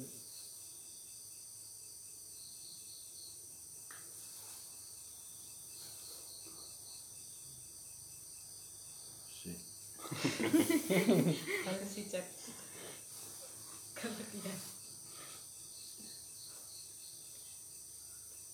meja yang satunya Bahkan kita pun dilatih berbahagia. yang lebar panjang lebar mengenai ke- keutamaan tradisi warisan Wali Songo tersebut dengan kacamata fisika kuantum. bahwa gelembung frekuensi gelombang frekuensi suara lantunan-lantunan pujian, tembang syair, selawat, zikir, tadarus dan doa seperti yang diwariskan oleh Wali Songo lebih efektif untuk mengendalikan dan kemudian menghalau serangan makhluk tak kasat mata itu virus dan kawan-kawannya sebab bagi makhluk yang sekian kecilnya tersebut hukum-hukum Newtonian tak lagi berlaku baginya. Karena itu penanganan dengan pendekatan medis Newtonian pun tak berlaku baginya. Salah satu cara yang bisa diterapkan untuk mengendalikan dan menghalau makhluk super kecil tersebut adalah dengan getaran gelombang frekuensi suara. Seperti dengan lantunan pujian syair, tembang, selawat, zikir, tadarus, dan doa. Di akhir ujangannya, beliau mengajak kita semua untuk meningkatkan kembali intensitas gerakan melantunkan pujian, syair, tembang, selawat, zikir, tadarus, dan doa sebagai gerakan spiritual untuk membentengi diri dari serangan pagebluk ini. Terus dari dari Mas Hasan itu saya sepakat. Ini saya ini kebetulan yang saya nulis sebelum diberitahu Aan. Saya sepakat setiap saat memang harus menghimpun dan melancarkan pancaran gelombang positif dalam kesemestaan ini. Bunyi adalah gelombang yang getarannya terges bergesekan dengan resonator semesta yang kemudian menghasilkan suatu gelombang pula. Bunyi-bunyi yang berasal dari getaran keikhlasan, kepedulian, kesabaran, dan niatan baik akan menghasilkan gelombang positif yang sekaligus bermanfaat sebagai imun bagi tubuh semesta. Sedangkan getaran yang disebabkan oleh kesombongan, kecongkakan, kegalauan, kegalauan, kekhawatiran, ketakutan, kemarahan, dan bahkan kebencian akan menghasilkan gelombang negatif yang berikutnya disebut energi negatif. Sederhananya energi positif adalah energi kebaikan dan energi negatif adalah keburukan atau tidak baik. Setiap gelombang dan energi selalu bergulir bersama kewajaran semesta. Kewajaran dalam artian bergulir sesuai porsinya, baik porsi baik porsi positif atau dan atau porsi negatif. Energi-energi tersebut berikutnya akan mampu menjadi ejawantah atau dalam kata lain menciptakan kekuatan akumulatif pada titik temu antara ruang dan waktu. Hingga kemudian kekuatan-kekuatan tadi akan bermanifestasi menjadi makhluk. Sederhananya, bila porsi gelombang positif yang membuat yang menguat, maka akan bermanifestasi menjadi makhluk yang membawa kemaslahatan bagi kesemestaan. Namun sebaliknya, bila porsi gelombang negatif yang menguat maka akan bermanifestasi menjadi pagebluk dalam semesta.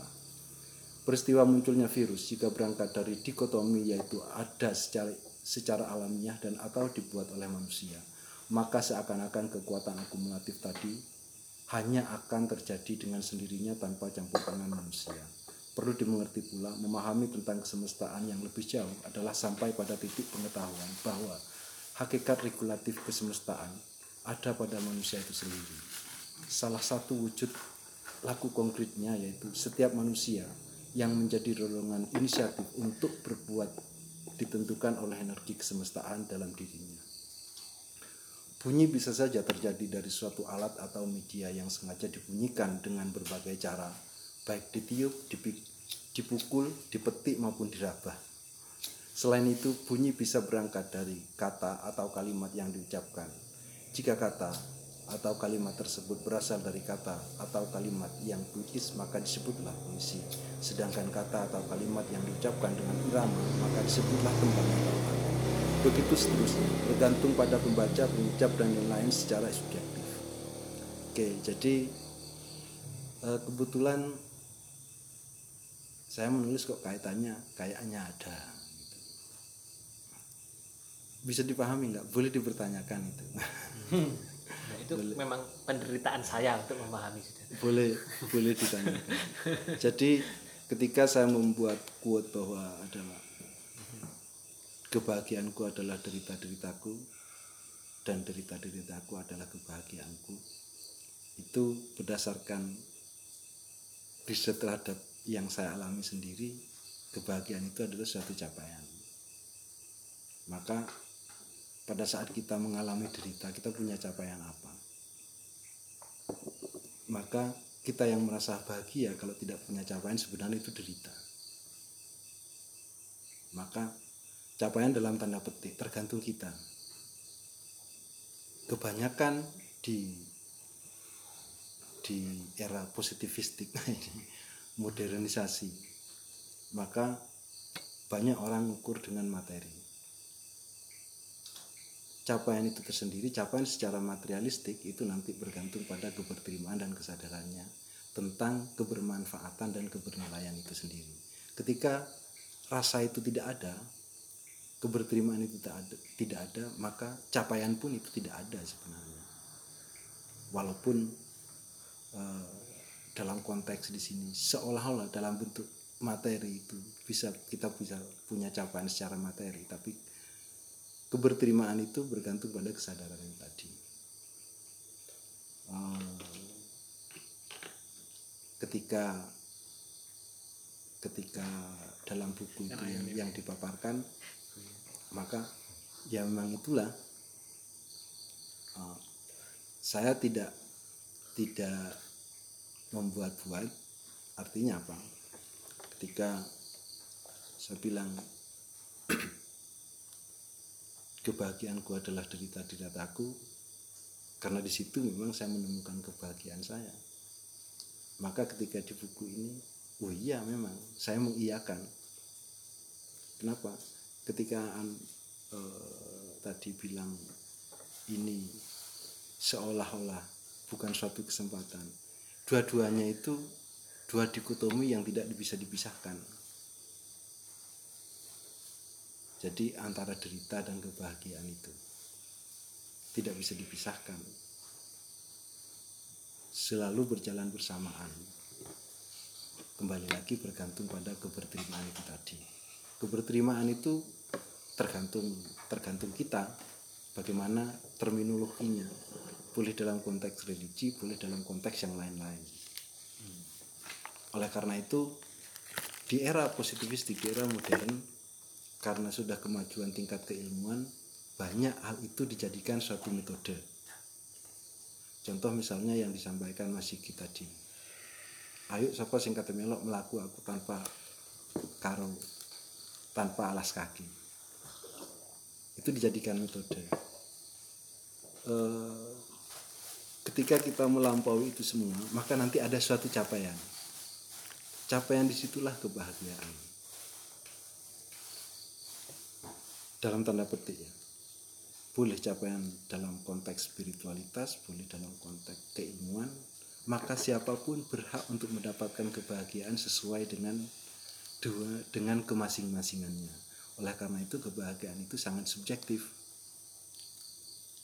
Bergantung ke masing-masingannya sering quote-quote kita terima boleh di YouTube boleh di mana saja bahwa ketika kita melihat tukang becak di jalan belum tentu tidak lebih bahagia daripada kita.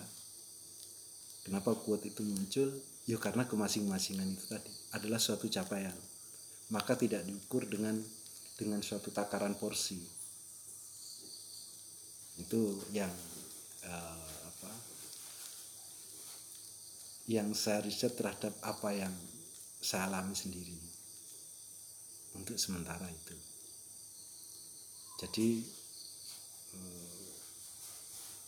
begitupun bukan karena saya beranggapan bahwa kebahagiaan itu adalah capaian. Ketika dalam buku itu yang disampaikan Mas Sigit tadi saya melihatnya pada intinya adalah suatu capaian yang bergantung pada kesadaran.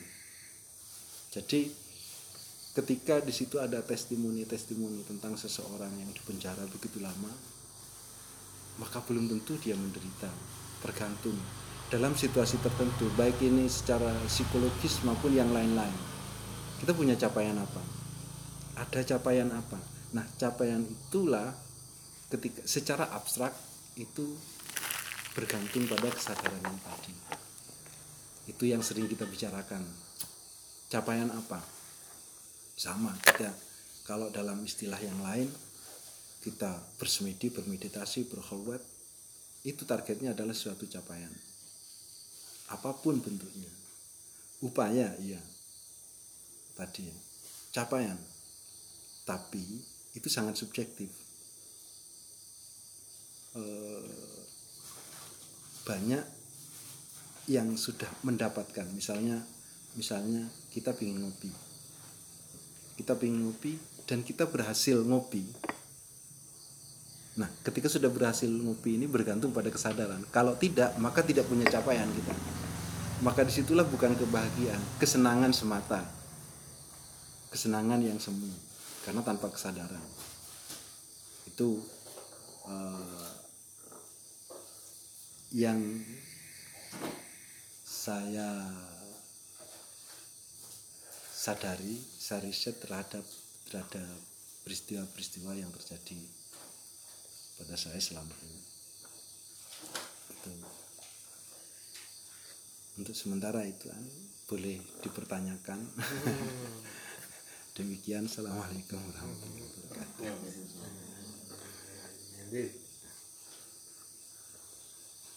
Karena biasanya kalau saya berbicara kalau tidak distimulus oleh pertanyaan habis ini bahan ini. Di kelas-kelas kan begitu. Silahkan ada pertanyaan, ikut tanda nih ke sentek bahan. Lek diwancing karo pertanyaan baru. Itu tandanya begitu.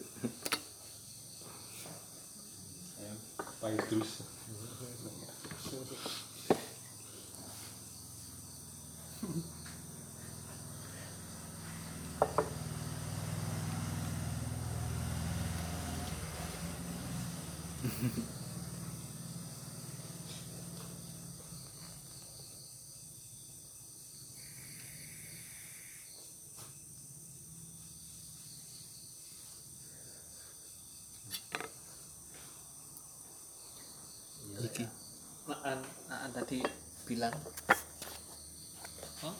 Being dan apa doing ya kita sudah ada ini sudah harusnya berbahagia. Kita eh, ada saja itu. Sudah merupakan aset untuk berbahagia.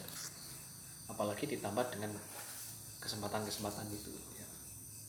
Ya semakin anu lah apa eh, semakin terbuka lebar sebetulnya jalan untuk berbahagia Iya. Hanya ketika terkait dengan being itu tadi, kalau saya mengutip dari Just Berkeley, be is to be perceived. Bahwa ada adalah persepsinya tentang ada. Maksudnya persepsi di sini eh, eksistensi atau keberadaan. Eksisten itu dari apa? Yang terkait dengan eh, positif negatif itu tadi. Lebih sederhananya saya membahasakannya positif negatif itu tadi. Maka bergantung itu. Jadi sangat subjektif nanti. Nah subjektivitas kita seperti berapa bulan yang lalu beberapa tahun yang lalu yang kita bahas tentang common sense itu kaitannya juga ke sana. Nah eh, kewajaran. Saya selalu membahasakannya suatu kewajaran kewajaran adalah kesemestaan itu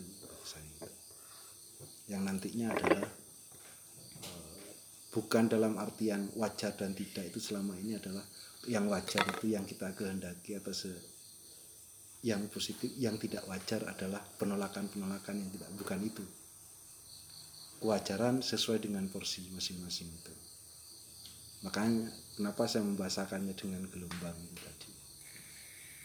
frekuensi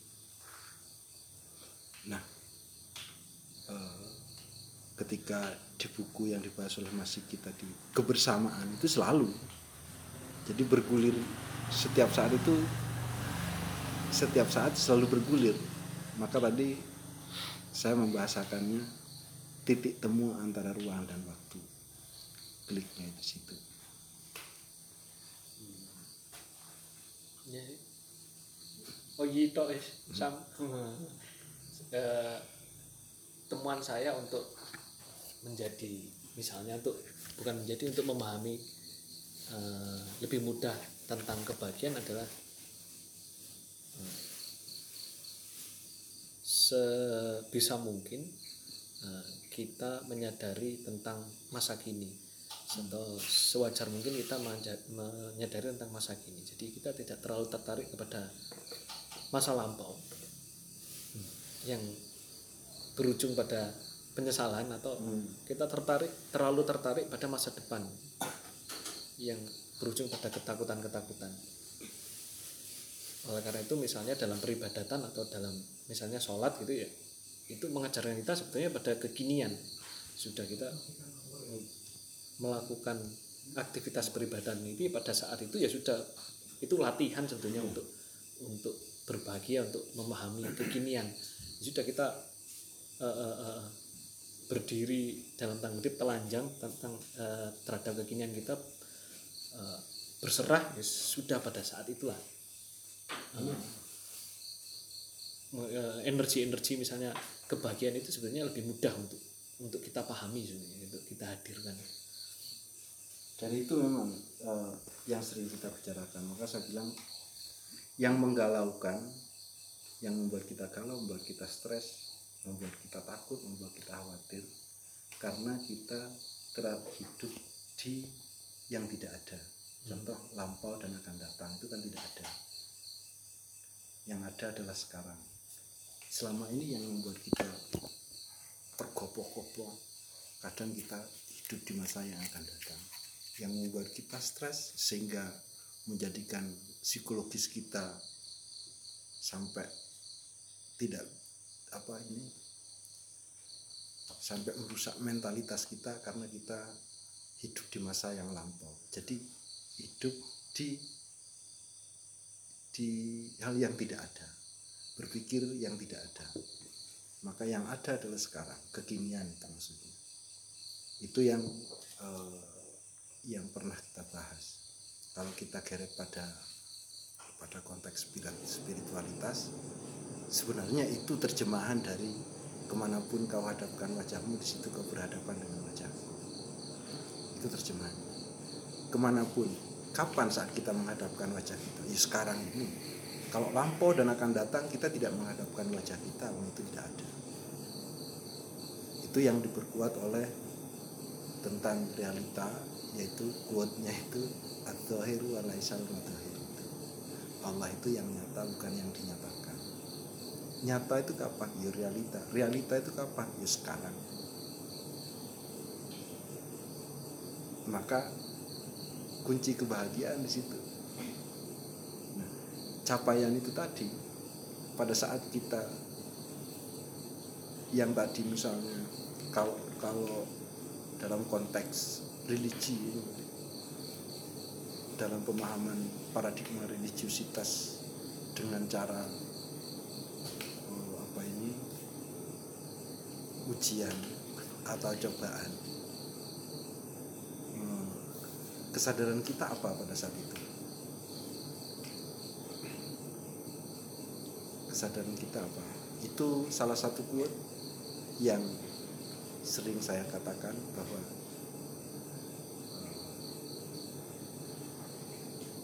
Allah itu tidak pernah mentakdirkan buruk. Allah itu selalu mentakdirkan baik.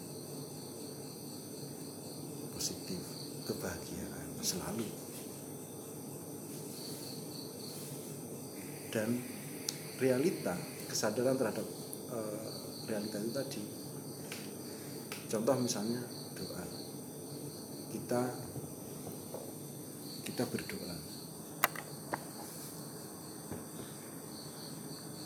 Eh, pada saat apa? Yang maha kuasa mengabulkan doa doa kita. Lewat apa? Lewat apa eh, yang maha kuasa mengabulkan doa kita? Kadang saya sudah kita sudah berdoa tapi tidak dikabulkan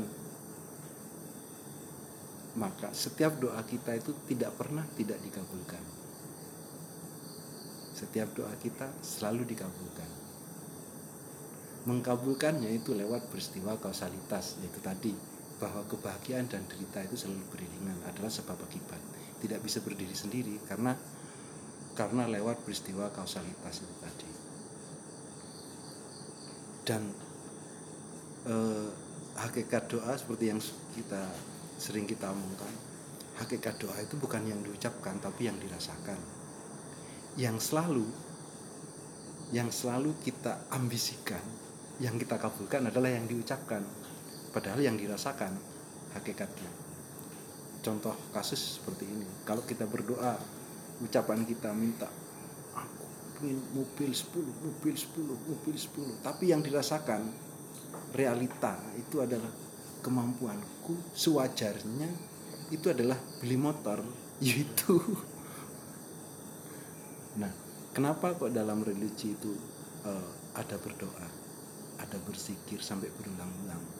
Itu adalah suatu metode agar apa yang kita ucapkan sama sampai sama dengan yang kita rasakan. Itu metode. Eh, dengan cara berulang-ulang repetisi. Nah bagi bagi orang orang tertentu tanpa tanpa repetisi karena sudah sama apa yang diucapkan dengan yang dibicarakan oleh karena itu kalau dalam eh, dalam metode ilmiah di buku-buku termasuk di spirit Jawa positive thinking. Positive thinking itu apa sih?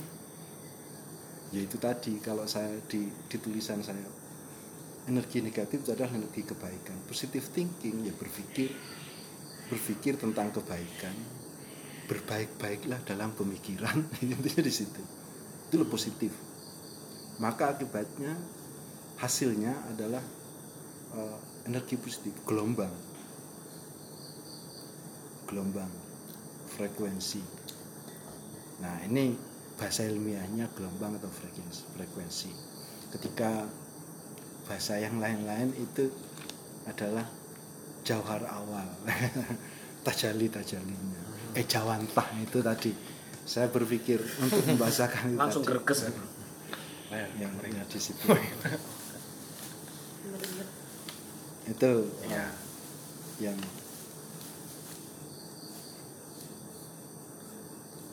yang terkait kebahagiaan. Bahagia itu yang utama yang pertama karena yang kedua adalah bahagi B Oh iya. yang ketiga Betul. bahagi C bahagi A bahagi B bahagi C Iya ini wong lawas. tapi semacam guyu tapi itu nah, itu. Ya, Si- menghormati yang Iya. sultan. Eh, gitu. tapi cari orang ludruk ini siku tapi si e Kun, kuno tapi si enak itu dasar orang ludruk apa guyonan lawas ya diulang-ulang Saya boleh tanya nggak Pak? boleh saya jawab kalau bisa kalau Iya, enggak nanya dari seorang begal. Basic ini Pak. iya Bedanya kesenangan sama kebahagiaan menurut Bapak Sindu apa sih? kesenangan bergantung pada kesadaran senang itu belum tentu bahagia kesadaran itu berangkatnya dari apa berangkatnya dari nilai nilai itu berangkatnya dari asas kebermanfaatan Nah, dari situ. Maka kesadaran akan ini kalau tidak maka senang belaka. Ketika senang ini tidak sampai pada nilai, tidak pada tidak pada sampai asas kebermanfaatan. Banyak orang yang mempunyai capaian, mempunyai capaian dalam bentuk apa pun. Itu hanya tahap pada kesenangan. Ini tidak serta-merta dalam konteks materialistis saja.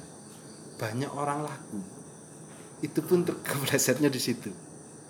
Ketika suatu capaian, maka di sini bukan bukan suatu kesadaran yang dimiliki sehingga sehingga banyak kepleset di sini bergeser merasa mampu akhirnya merasa punya kelebihan. Nah, ya, sampai di situ. Ini dalam konteks laku laku spiritual ini. Begitu juga terkait dengan materi. Maka itu yang saya bilang tadi siapa saja berhak untuk mendapatkan punya capaian mendapatkan kebahagiaan bergantung kesadarannya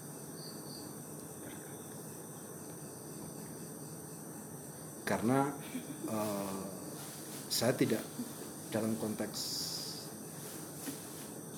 dalam konteks kesemestaan bahasanya ya.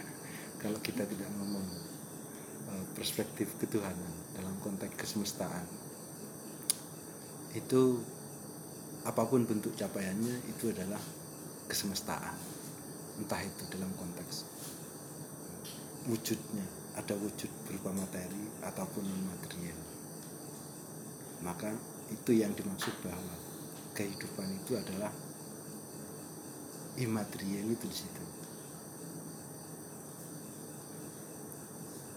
Kebahagiaan itu sendiri itu sangat kemasing-masingan sangat subjektif. Tidak bisa diukur. Tidak bisa diukur. Contohnya misalnya ketika saya berhasil melinting satu rokok bisa saja saya mendapatkan suatu kecapaian suatu capaian tapi bagi yang lain bisa-bisa tidak maka kemasing-masingan itu Nah, setuju. Setuju. Cuman kalau masing-masing gitu Pak ya. Hmm. Berarti kan kita juga harus apa ya? Hati-hati. Bisa saja saya kayak misal begal gitu ya. saya lebih Masa Pak. misal? Ya, andai kata aku begal. Masa kata? Alah kamu banyak pertanyaan. aku selalali. lah kok moro-moro aku bahagia membegal plus membunuh gitu misal. Lah itu gimana berarti Pak? oke itu eh, sejatinya bukan kebahagiaan Tapi itu ada kepuasan. Nah, kepuasan itu makanya ada quote kepuasan batin dan kepuasan non batin. Kenapa begitu? Sejatinya kebahagiaan itu suatu capaian. Ketika ngomong positif tadi adalah baik, ketika membunuh itu adalah membuat menderita orang lain. iya. Itu sejenak saja dan itu tidak mungkin eh, tidak mungkin mendapatkan kebahagiaan. Setelah membunuh apa misalnya? Setelah membunuh kita ada contoh misalnya. Contoh misalnya kita bulan puasa. Bulan puasa. Terus kita mokel. Kita mokel. Oh, ketika bulan puasa. Di mana kita menemukan kebahagiaannya? Kalau kita takut hanya pada manusia. Nah, kesemestaan itu itu bagian dari kesemestaan. Ngerti maksudnya? Misalnya Tahu, tahu, tahu. sampean Ya rada angel sih seorang begal ya, tapi nyoba tak cerna. Oke, contohnya misalnya, ketika saya pertanyakan, kenapa sampean, kenapa sampean membegal? Ah, misal ini Pak ya, Iya. passion saya gitu misal ah, berusaha untuk hidup. Biasanya gitu kan Iya. Pak. Urusan perut, tapi ada beberapa orang yang emang merasa mempunyai apa ya? Oh ini keahlianku. Jadi Hmm. membunuh itu kalau di film-film ada yang sampai ah, bahkan kenyataan ini Pak di Indonesia waktu itu ada orang yang membunuh itu dimutilasi terus pakai headset sangat menikmati prosesnya gitu. Hmm. Nah, itu apa bisa dikatakan oh, mungkin orangnya bahagia dengan melakukan itu. Tidak, mungkin, mungkin, tapi itu tidak. Ya. Kenapa? Kalau yang yang saya temui berangkat dari kesadaran tingkat keberterimaan itu tadi, maka dorongan di dalam tulisan tadi tadi, dorongan atau inisiatif inisiatif untuk berbuat itu berangkat dari rasa keberterimaan atau kesadaran itu tadi. Dorongan untuk berbuat negatif itu bergantung pada kesadarannya. Maka karena kurang menyadari, kurang bersyukur, kurang keberterimaan, di situlah yang membuat kita eh, terdorong untuk berbuat hal yang negatif. Maka kemasing-masingan. Ya, ya, ya. itu dalam konteks pemikiran. Tapi dalam konteks yang lain, ya, ya memang begitu, gitu. Dalam konteks yang lain memang begitu. Eling-eling semua. Kalau dalam konteks pemikiran atau tahapan-tahapan untuk menuju, ya, maka karena kita di sini masih mengukur dengan salah benar. Ya.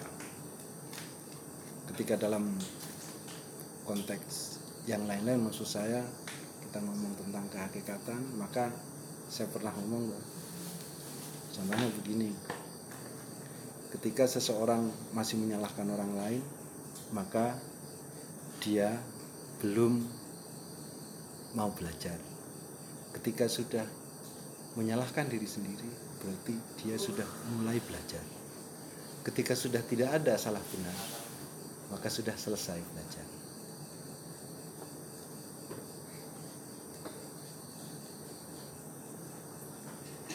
Nah maksudnya. Makanya ini kalau kalau oleh leluhur kita dikemas sedemikian rupa karena dikhawatirkan salah menginterpretasikan. Nah, ketika diinterpretasikan dengan dasar ketidakpedulian bukan berarti tidak peduli salah benar. Yang dimaksud tidak ada salah dan benar. Eh, dua dikotomi seperti derita dan bahagia itu tadi selalu beriringan ya memang itu yang dimaksud dinamika kehidupan itu di situ. Yang membuat suatu peristiwa kausalitas itu di situ. Sehingga kalau dalam drama ada protagonis dan antagonis ya di situ. Ada dua siang malam. Dua sisi. Ivan dan Ivin kalau kalau ada terbit terbenam. Sehingga dibahasakan dibahasakan dalam dalam pemahaman makhluk halus. Kalau jin digambarkan bertanduk dua. Sebenarnya tanduknya itu bukan itu. Tanduknya ya dua itu. Ada dua ujung ada di dua tanduk kalau dibahasakan terbit dan terbenam. Sejak terbitnya dan terbenamnya itu. Atau dua ini derita bahagia ini. Atau tanduknya bergantung di sini. Ke keiblisan dan kemalaikatan yang dua ini. Dan selalu beriringan. Beda dengan eh, binatang berjelas satu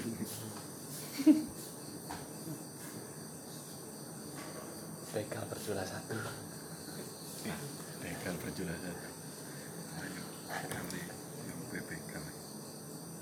Makanya eh, porsi saya bilang porsi. Karena ada riset terbaru itu selama ini membedakan antara apa yang kerentak hati dan ada yang pikiran. Itu membedakan seolah-olah ini dua dikotomi yang tidak yang terpisah. Padahal apa yang ada di pikiran itu itu berangkat dari gerak hati juga. Riset terbaru itu. Maka kehendak kerentek yang ada dalam benak kita itu juga berangkat dari eh, atom-atom atau sel-sel yang ada di gerak ini. Makanya kesemestaan itu di situ.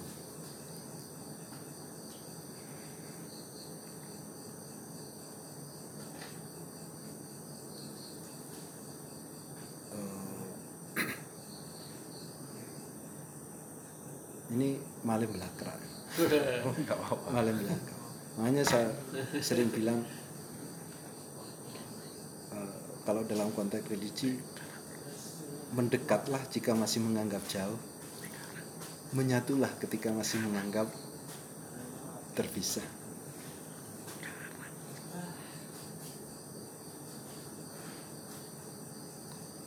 Mendekatlah ketika masih menganggap bukan merasa.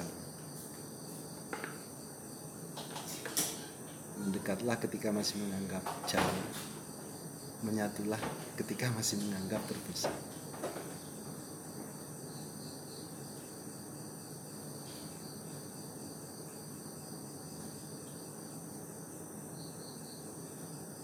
di situ Mas Sufi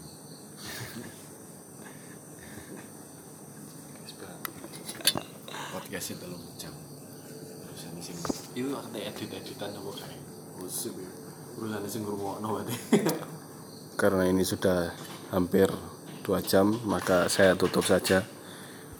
Nutupnya agak ngeri ya saya kasih dalil oh enak. Kan dari tadi kan ngomongin tentang capaian dan kebahagiaan itu bahwa bahwa kebahagiaan itu adalah capaian maka kita perlu menutup dengan capaian itu apa sih? Saya coba mengutip Al-Quran ya. Waduh. ini materi kemarin tentang Al-Fatihah itu tentang jadi di sini di difirmankan di surat Al-Insan ayat 1 jadi artinya langsung ya gak usah Arab ya. Cek cek ketok sekuler. Jadi gini artinya Al-Insan ayat 1 itu bukankah telah datang atas manusia suatu waktu dari masa ketika dia belum merupakan sesuatu yang dapat disebut karena dia belum ada. Jadi keadaan kita itu maksudnya bahwa kita ada itu sudah merupakan capaian. Karena di insan ayat 1 ini dikatakan bahwa dulu itu ada masa ketika kita nggak ada sama sekali ketika kita sudah ada sebenarnya kalau kita mau menghayati eksistensi kita adanya tubuh kita ada tubuhnya teman-teman kita. Itu sudah merupakan capaian atau nikmat yang diberikan oleh yang membuat hidup ini Iya, adanya Bayu di bumi ini sebenarnya nikmat buat kita meskipun kita ingin menendang mukanya gitu. Itu kita tetap adalah lampiasan kalau kita marah itu ke Bayu aja. Itu berarti sudah disediakan nikmat, ada ruangnya untuk mau marah-marah itu. Jadi seperti itu. Jadi kalau kita kalau kita sudah ada, sudah ada wujudnya, tapi masih mencari-cari nikmat itu mungkin kita perlu berdiam diri dan merenung lagi atau mencari bayu untuk dibukuli. Iya, iya. kalau nggak nemu nulis kalau bayu ya lah. Mungkin seperti itu ya dari insan ayat satu.